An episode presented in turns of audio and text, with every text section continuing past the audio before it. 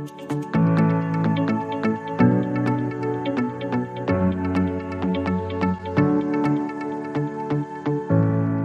teman-teman Bicara HR, kembali lagi di Bicara HR Podcast, Bicara Positif, masih bersama Talita.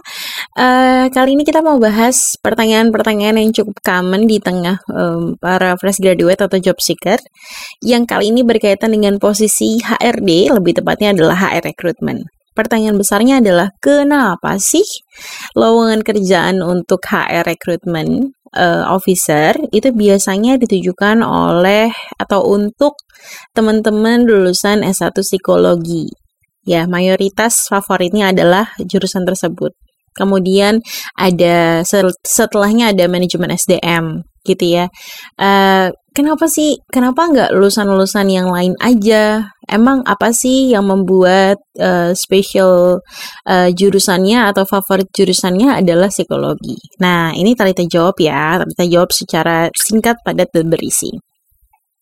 Kalau kita bicara masalah uh, HR recruitment, sudah pasti pekerjaan utamanya adalah apa?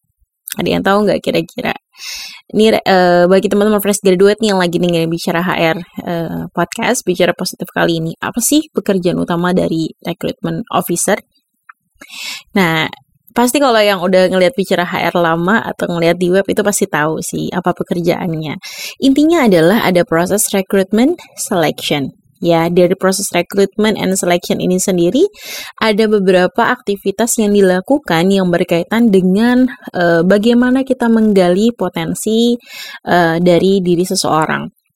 Jadi di situ kita mengenal prosesnya dari mulai screening ya, kemudian kita ada proses psikotes, interview. Nah, kalau proses screening sendiri emang di psikologi belajar ya proses screening CV?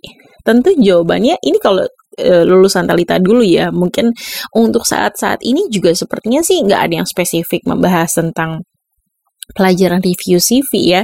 Jadi um, mungkin mungkin ya uh, kalau teman-teman berpikir bahwa oh uh, S1 psikologi itu udah di, dibekali ilmu keHRan itu jawabannya belum tentu gitu ya karena ilmu KHR yang terutama recruitment selection ini itu tidak kita pelajari seutuhnya di uh, bangku kuliah. Jadi kita hanya mempelajari yang namanya uh, proses psikotes dan interview. Itu memang ada mata kuliahnya ya, tapi uh, psikotes dan interview secara general, in generally gitu ya, bukan hanya proses psikotes dan interview seleksi kerja aja gitu.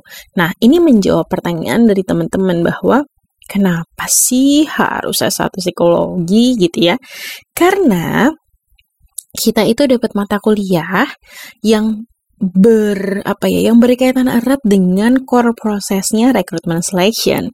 Kita belajar alat tes, uh, itu teorinya ada dan ada beberapa kampus juga yang ada kesempatan ada lab psikologi kita belajar juga gitu ya. Jadi kita nggak blind banget alat tes. Kebetulan kita juga sempat belajar beberapa alat tes pada saat di kampus.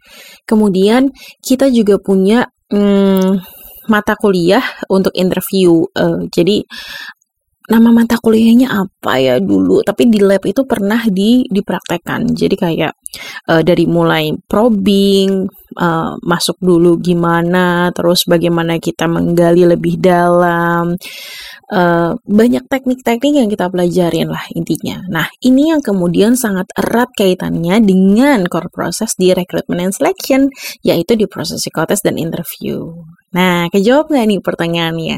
Jadi kenapa sih psikot eh, sorry kenapa sih HR recruitment officer itu banyak banget nih kalau di lowongan kerja khusus S1 psikologi gitu ya. Nah, itu adalah jawabannya. Jadi intinya sih the right man in the right place gitu ya. Orang yang tepat di posisi yang tepat. Kalau kita butuh core kompetensinya paham tentang recruitment and selection, mungkin in generally setiap orang bisa aja paham oh bahwa ada sourcing, ada rekrutmen, ada selection gitu ya.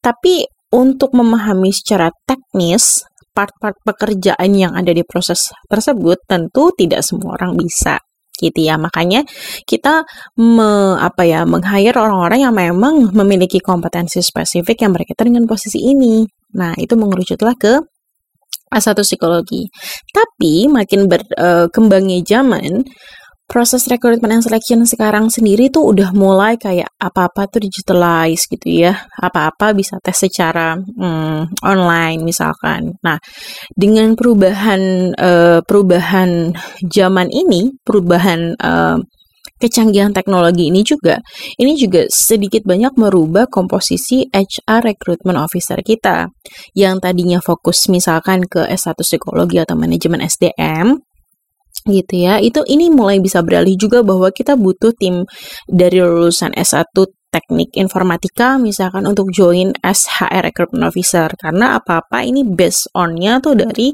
uh, apa komputer dan online test misalkan.